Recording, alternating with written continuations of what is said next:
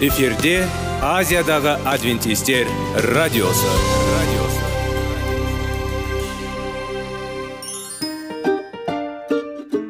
сәлем достар. Денсаулық өмір бұлағы және біздің бірінші байлығымыз демекші денсаулық сағаты рубрикасына қош келдіңіздер.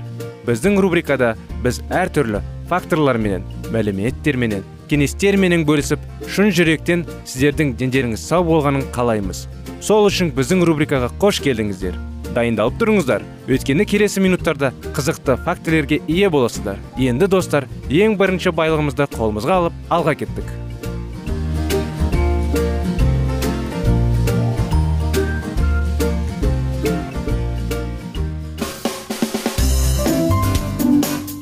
Денсаулық туралы хабар. Денсаулықтың ашылуы. Күн сайын сөз үшін күшті кеңестер соңғы жаңалықтар қызықты факторлар. Біздің рубрикада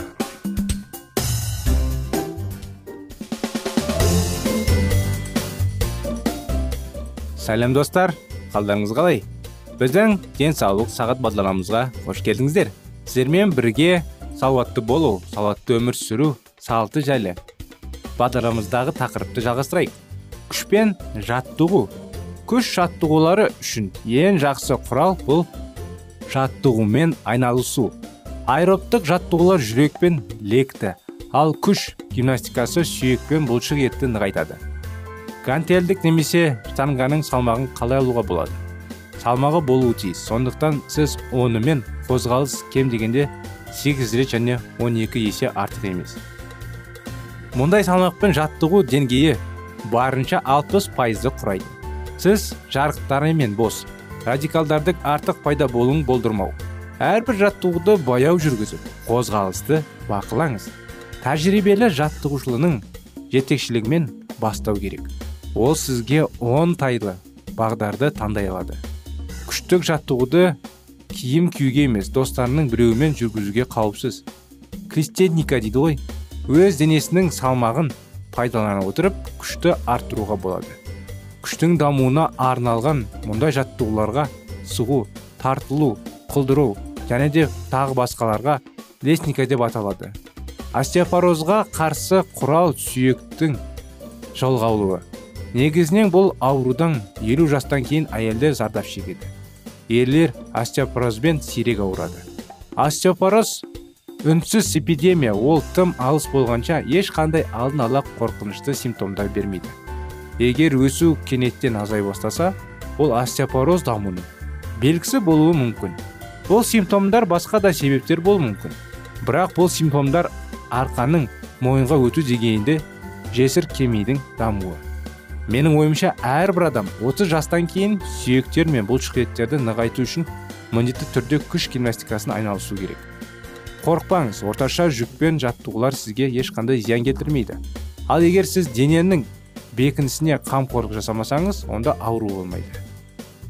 Икемділік әрбір жаттығу бұлшық еттерді күрделі жұмсаққа дайындау үшін жаттығу мен ауырлықтан басталу керек. Егер сіз артриттен зардап шексеңіз сонда икемділік пен созылу жаттығуларына көп уақыт бөлу керек. Сізге барлық буындарды қалай араластыру керек және әзірлеу қажет.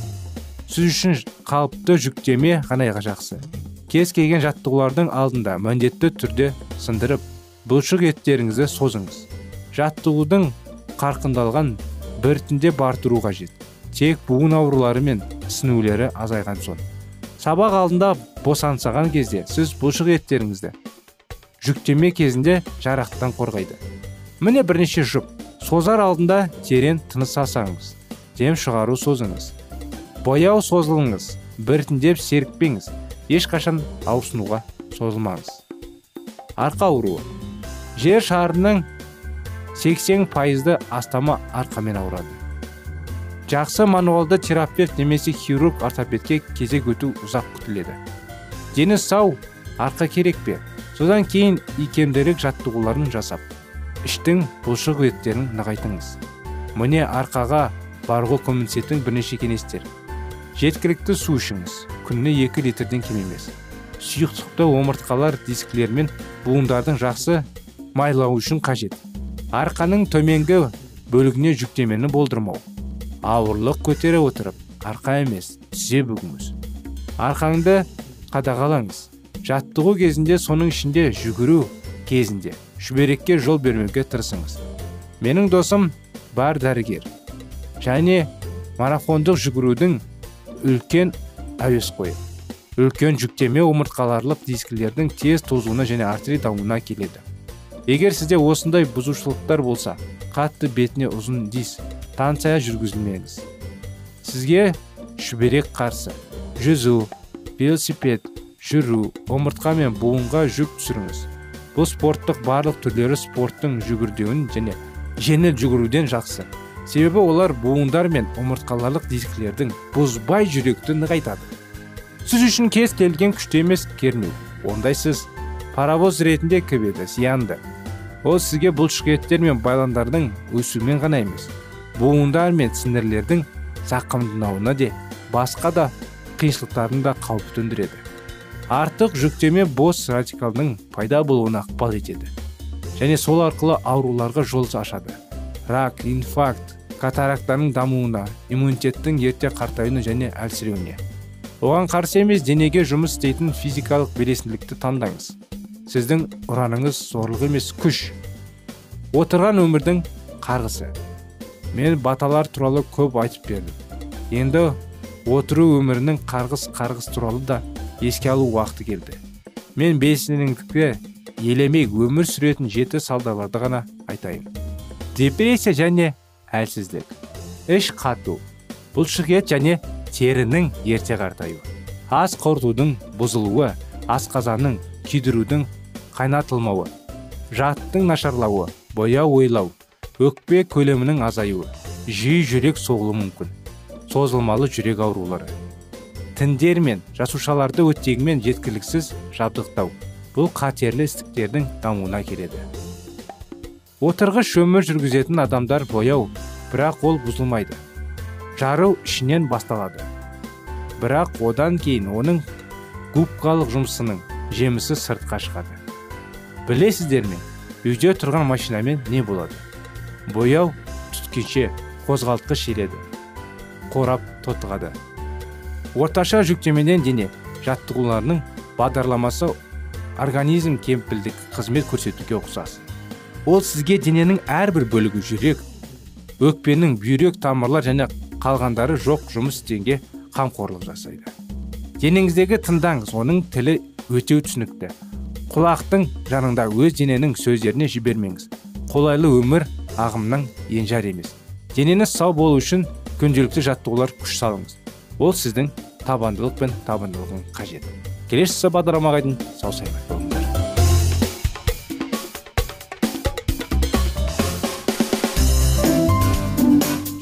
денсаулық туралы хабар. Денсаулықтың ашылуы. Күн сайын сөз үшін күшті кеңестер. Соңғы жаңалықтар қызықты факторлар біздің рубрикада.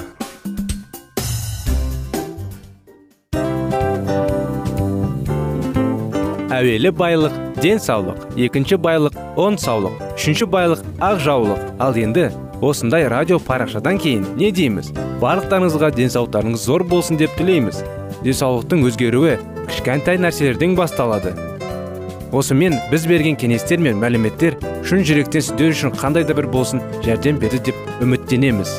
Тыңдаушыларымызбен келесі радио парақшасына дейін қоштассамыз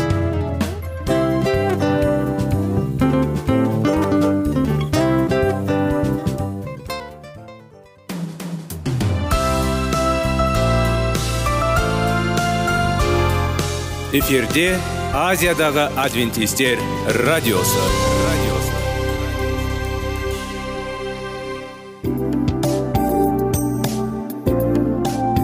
Сәлем достар. Барлықтарыңызға шын жүректен сөйлесек рубрикасына қош келдіңіздер деп айтпақшымыз. Шын жүректен сөйлесек бағдарламасы әртүрлі қызықты тақырыптарға арналған. Шындығында шын жүректен сөйлесек деген сөздің мағынасы екі достың екі адамның ортасындағы шын жүрекпен сөйлесуі бір біріне сенуі ашықтық пен шындықты білдіреді. Сол үшін біздің бағдарламалар әртүрлі қызықты тақырыптарға арналған. Дайындалыңыз жаңа қызықты мәліметтерге ие болуға. Ондай болса кеттік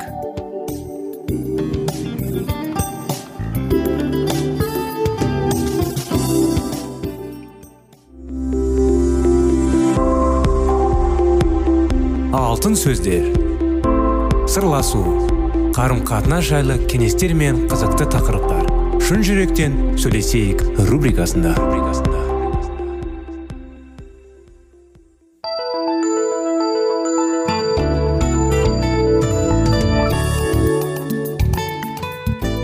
Ассалаумағалейкум сәлеметсіздер ме достар? Құрметті біздің радио тыңдаушылар біздің шын жүректен сөйлесейік. Бағдарламамызға қош келдіңіздер. Құрметті достар сіздермен бірге баланың жүрегіне бес қадам тарауын жалғастырудамыз. Не деген керемет тақырып? Расында да бүгін баланы түсіну қиын. Сіздер баланы тәрбиелейсіздер. Қалай тәрбиелейсіздер? Сіздер ойланасыздар ма ол жайлы?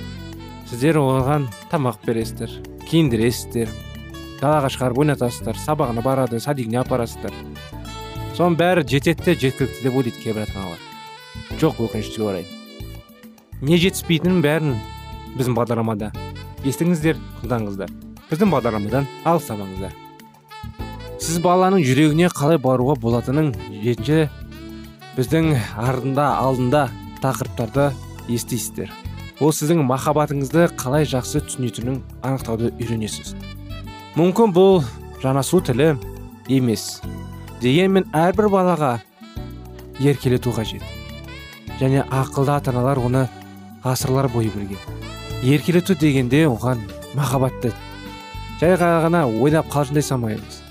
Оны құшақтап сүйіп шын жүректен сіз ол сізге қымбат екенін білдіру керек. Балаға тек әкесі мен анасы ғана емес тиіс. Әжелер мен аталар мұғалімдер дін қызметкерлері олардың бәрі бала өмірінде соңғы рөл атқарады. Сондықтан оның махаббаттың сезіну маңызды.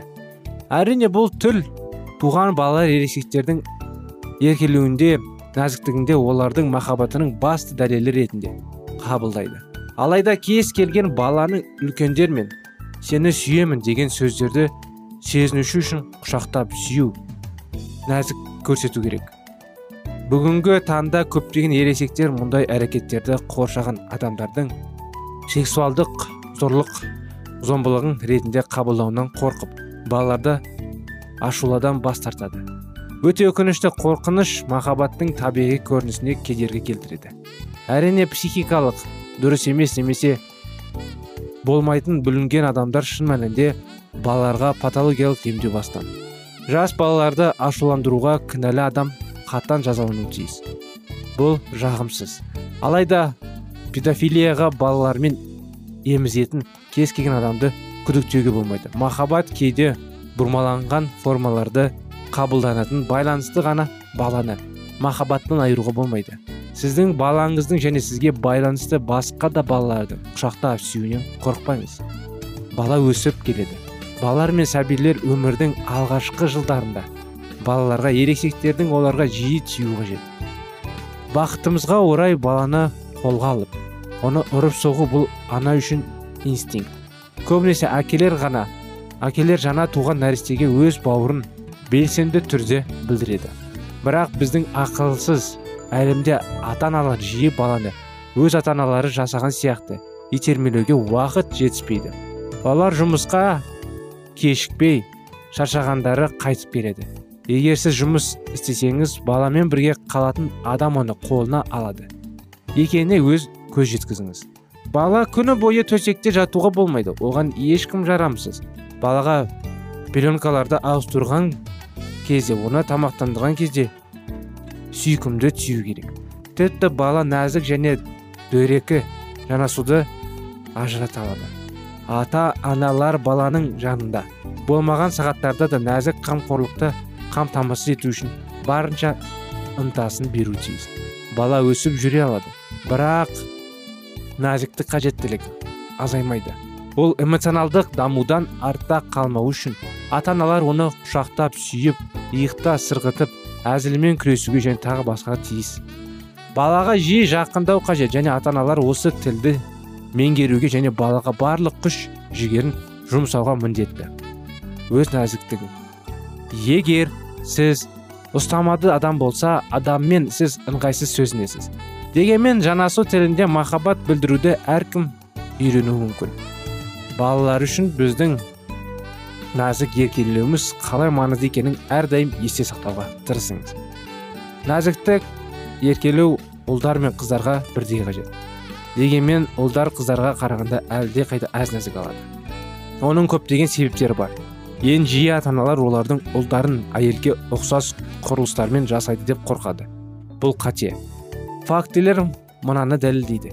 Егер бала айналасындағылардың махаббатына сенімді болса онда дені сау өзін өзі бағалау және дұрыс жыныстық бағдар қалыптасады. Кіші оқушылар. Бала мектепке келгенде оған әлі де сүйкімді қажет. Таңертең оны кетер алдында алып сіз бір күн бойы оны қажетті сенімділікпен толтырасыз. Ол мектептен қайтып келгенде оны сүйіп сіз бүкіл кешке үйде қолайлы атмосфера жасайды. Балаға назар аудару үшін шулағаныңыз келмейді. Неге сіздің нәзікті еркелетуіңіз бірінші сынып оқушысы үшін маңызды. Күн сайын мектепте оны жаңа нәрсе күтеді. Бұл әрдайым жағымды оқиғалар емес. Мұғалімдермен сыныптағылармен қатығыстар орын алады. Сондықтан үй махаббат орынған жерде демалу мүмкін орын болу керек. Есіңізде болсын. Жанасу махаббат білдірудің ең күшті тәсілдерінің бірі. Егер сіз осы жолды еркін иеленсеңіз ол жақсы сезінеді. Ол басқа адамдармен қарым қатына жасау оңайырақ. Бір күні біреу маған мен өзім екі ұлымды тәрбиелеймін және мүлдем басқа көріністі байқаймын. Олар өсіп мектепке бардым оларға еркелету керек емес. Бұл жалған ой. Ата аналық жанасу барлық балалар мен жасөспірімдерге қажет. Жиі жеті тоғыз жастағы ұлдар ата аналарын өздерін жақсы көрмейді. Ең алдымен сіздің ұлдарың арқылы осы кезеңіне аяқ басты. Және оларға әлі де физикалық байланыс қажет. Жай ғана өзге нысанада оларға әзілмен күресу итермелеу ұнайды. Оларға мықты қол алысу және тағы басқа қажет. Мұндай жанасу түрлері қыздарға да ұнауы мүмкін бірақ олар ұлдарға қарағанда еркелету нәзіктерге қарсы емес. Мінекей құрметті достар осыны анықтамалар сіздерді біздің келесі бағдарламада күтеміз. Бағдарламамыз бүгінге аяғына келді. Келесі жолға дейін сау болыңыздар.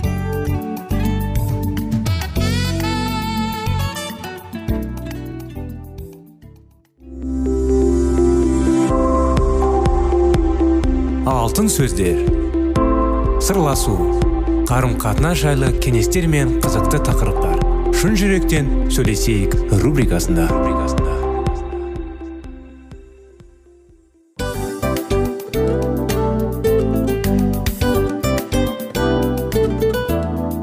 Құрметті достар барлық ең соңғы кеңестер аяқталған соң біздің программамыз соңына келіп қалды. Осы біздің мәліметтер осы рубрикада айтылған әрбір сөздер сіздерге өзінің қандай да бір пайдасын алып келді деп шын жүректен сенеміз. Және бұдан да көптеген рубрикаларымыз бар. Басқа рубрикаларымызда біздің зерттеулерімізде сіздер үшін тағы да қызықты мәліметтер дайын. Біздің шын жүректен сөйлесейік парақшамызда көптеген әдістер ең соңғы кеңестер адамның нравственность жақтан моральдық жақтан тазалап байыта тұрған соңғы кеңестердің барлығын жанарады. сондықтан алдыңғы күндерде бізбен бірге болыңыздар. Өйткені барлық қызықтар алдыда. Бізбенен бірге болғандарыңызға үлкен рахмет. Келесі кездескенімізше сау сәлемет болыңыздар.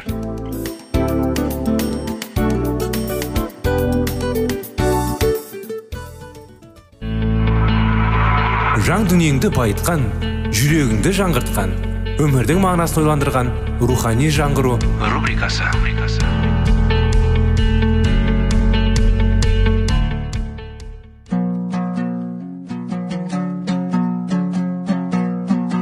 Ассалаумағалейкум біздің тыңдаушыларымыз. Келі кітаптың шындығын ашып берген қысқа бағдарламасына қош келдіңіздер. Барлығынан жоғары жаратушы біздің қарыңғылықта жалғыз қалдырып қойған емес. Өйткені ол келешекте не болу керек екенін киелі кітаптың парақтарында ашып береді. Немесе келіңіздер бізге қосылыңыздар. Жаратушы бізге нен ашып бергенін зерттейміз. Армысыздар ассалаумағалейкум біздің құрметті радио тыңдаушылар біздің құрметті достар рухани жаңғыру бағдарламасына қош келдіңіздер. Сенуді қалай үйрену керек? Соның бәрін біздің бағдарламада осы біздің тақырыптарда біздің бағдарламадан алыстамаңыздар. Қауіп кезінде дұға ету. Мен бір рет тар тегіс семес тау жолында бастан кешкенді ешқашан ұмытпаймын. Біз сағатына 90 километрге жуық жылдамдықпен жүріп өттік. Кенеттен алдымызда бұрылыс болды. Әрине тез жүру оңай болды бірақ мен ескертетін белгіні көрмедім. Сондықтан мұндай қауіпті бұрылыс болады деп ойламадым. Қалай болғанда да кенеттен мен тек қана айқайлауға болатын жағдайда болдым. Көмектес қымбатты ием. Бұл қарапайым болды бірақ құдай оны естіді. Мен ерекше күшпен жолда автокөлікті ерекше ұстап тұрғанын сездім. Барлығы бүтін және зиянсыз қалды. Тек бір баллонды жаудырдым. Ал біздің нервтеріміз керемет болды. Мазасыз болып. Мәсіхшінің сенімі құдай оған қиын сәтте көмектесе алды. Және барлық қорғаныс құралдарының әлде қайда маңызды. Құдай біз мағынасыз тәуекелді аулақ болуға және мүмкін болғанша өз өмірімізді сақтауға тырысымыз деп үміттенеміз. Бірақ егер қайғыға түссек дереу дұға жасап құдайдан көмек сұрай аламыз. Бұрын маған құдай мүмкін тым бос емес және менің кезек күттірмейтін өтінішімді естімейді деген ой берген жоқ. Ол бір уақытта оған көтерілетін көптеген синуларды бірден қалай қамқорлық жасай алды? Қандай да бір маңызды тұлғалардың өтініші артықшылығын пайдалана ма? Мүмкін сіз қиын жағдайларға тап болған шығарсыз бірақ сіз құдайға жүгінде тыныш болған шығарсыз. Ол бізді өзі шақырады. Мені қайғы қасірет күні шақырыңдар. Мен сендерді құтқарамын. Сен мені даңққа бөлейсің дейді. Егер біз құдайға даңқ берсек онда ол бізге қайғыға көмектеседі. Даниял құдайға шын жүректен жүгінді. Ол оны арыстандардың ауыздарынан қорғады. Үлкен теңіз жауларының асқазанын құдайға дұға етеді. Оның дұғасы шынайы және елеулі болды. Сондықтан құдай балық аулауға батырды. Құдай бізге қиындықтарға көмектесуге дайын болса да ол біздің рухани өміріміз қауіп төгенде ерекше ықыласпен көмектеседі. Исаның өзі біздің дене өміріне қауіп қатерден көп қорғау керек екенін көрсетті. Бізді тұншықтырған кезде дереу құдайға жүгінуді үйренуіміз керек. Егер сізде қорқыныш болса мен сияқты жиі болса онда әрдайым ішкі намазға ішкі синуға дұғаға дайын болыңыз. Иса кеңес береді. Қуғынға түспеу үшін сергіп дұға етіңіз. Мен ескертемін рух сергек дене арық емес деп. Иса сергектің және дұға ұсынады екенін ескеріңіз. Бұл дұға ақыл ойдың ерік жігердің және дененің толық кернеуін талап етеді. Егер біз одан кейін құдайдың күшінде оған қол жеткізу үшін батыл күреске барсақ жеңіске жету үшін дұға ету пайдасыз. Егер дұғадан кейін біз тоңсытқышқа жүгірсек тәбетіңізде басқа ауруға көмектесуді сұраңыз. Бізге сергіп дұға ету керек. Егер біз теледидарға отырсақ қылмыстық және басқа да күмәнді фильмдерді көріп дұға етейік. Ием олар маған теріс әсер етуге жол бермеңіз. Теледидарды өшіріңіз және бәрін доғарыңыз сиініп әрекетті алмастырмайды. Оған дайындайды. Иса мұны былай деп растайды. Барлық уақытта сергіп дұға етіңіз. Әлі де болашақ аппараттан апаттардан аулақ болуға және адамның ұлының алдында болуға тырысыңыз. Біз қандай да бір жаман әдеттерден құтылғымыз келсе дұға мәнін түсіну өте маңызды. Олардың кейбіреулері бізге өте үстем бола алады. Біз олармен үлкен қиындықпен айырыламыз. Бұл туралы дұға болмаса сіз сияқты әдеттен ешқашан босатылмайды. Ал егер дұға етсеңіз және ештеңе жасамасаңыз онда бұл әдет мәңгі болмаса сізде ұзақ қалады. Біз тек олар туралы ойлайтын болсақ күнәлардың ешқашан жеңіміз. Бірақ исаға көтерсек оларды жеңеміз. Егер жеңіс туралы сұрасаңыз онда барлық исаға сенім білдіру керек. Еміз маған осы күнә қалдырған көмектессеңдер деп дұға етпеңіз. Сіз толық сеніммен айтқанда ғана жеңе аласыз. Ем қазір өзіңді барлық күнәмен сенің билігіне беремін. Мені кешіріңіз және маған күш беріңіз. Сен менің күштерімнің артық азаптауға жол бермеңіз. Исаның атынан жеңіс туралы өтініп маған жеңуге көмектесетіңіз үшін алғыс айтамын. Енді күнәданудан қажеті жоқ деп шешті. Қазір маған келі рухтың күшімен. Сен мені құтқара алатынды деген сенімділік келді. Содан кейін сіздің барлық күшіңізді назарыңызды талап ететін және сізді мәселелерден алаңдататын пайданы нәрселерді ұстаңыз. Дұға күші. Александрдың ауласында атақты философ тұрды. Оның ақша ешқашан дерлік болмады. Міне бір күні ол патшадан көмек сұрады. Александр жылы оның қабылдады. Тыңдаған және қазананы сақтаушыға философқа қажет болғанша көп ақша беруге бұйрық берді. Қазынашы әрине философ шамамен елу мың доллар сұрады. Ол мұндай соманы төлеуге шешім қабылдамады және бұл жөнінде патша сөйлесіп оның еркіндігін бергісі келді. Александр философтың қандай үлкен соманы сұрағанын естігенде бірден қазынашыға дереу оған төле. Философ маған үлкен құрмет көрсетті. Ол сұраған үлкен сома. Ол мені қандай керемет бай және керемет деп санайды. Ал сіз әлемнің патшасының қанша сұрайсыз? Ол сіздің көзқарасыңызда қаншалықты бай және үлкен? Құдай аспан терезесін ашуға және бай батылады чарльз шкургион бір күні сенушіні ашық теңізде жүзіп су ішеден қорататын балықпен салыстырды. Себебі ол сонда құрлықты бола ма? Құдай біздің қарамағымызға барлық аспан қазынасын берді. Мәсіхте ол адамдарға ең ұлы және баға жемпес сый берді және онда ол біздің кез келген өтінішімізді орындауға дайын. Менің атымда әкемнің не сұрасаңыз сізге беріледі дейді. Бізде ештеңе жоқ. Біз кедейміз. Бірақ иса аспанның шексіз байлықтарына ие және біз қалғанымыз сонша оның шотынан алуға шақырады.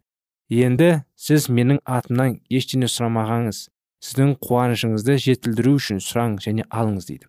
Біз ынтымақтаса отырып бізге тек сену құдайдың рухани адалдық және оның кереметі. Сенің мистикалық нәрсе жоқ. Онда тәуелділік байқалады. Бізге бірдене қажет болған кезде біз өзімізді сұрауымыз керек. Не істеу керек? Өзіне немесе құдайға сену керек пе? Мүмкін сіз ең жақсына жақса ал қалғанына құдайға бер деп айтқан шығарсыз ба? Менің ойымша бұл қауіпті және ақмақ кеңес. Қалған емес біз құдайға ұсынуымыз керек ал барлығы от және алдын ала және кейін. Өйткені егер біз өз күшімізге кіші сенсек ол біз үшін және оның өзі үшін жасай алмайды. Бірақ егер біз оған толық сенім артсақ құдай бізге күшімізді тынытуға көмектеседі. Осымен бағдарламамыз құрметті достар аяғына келді. Әрине жалғасын келесі жолы жалғастырамыз. Сіздермен бірге рухани жаңғыру бағдарламасы.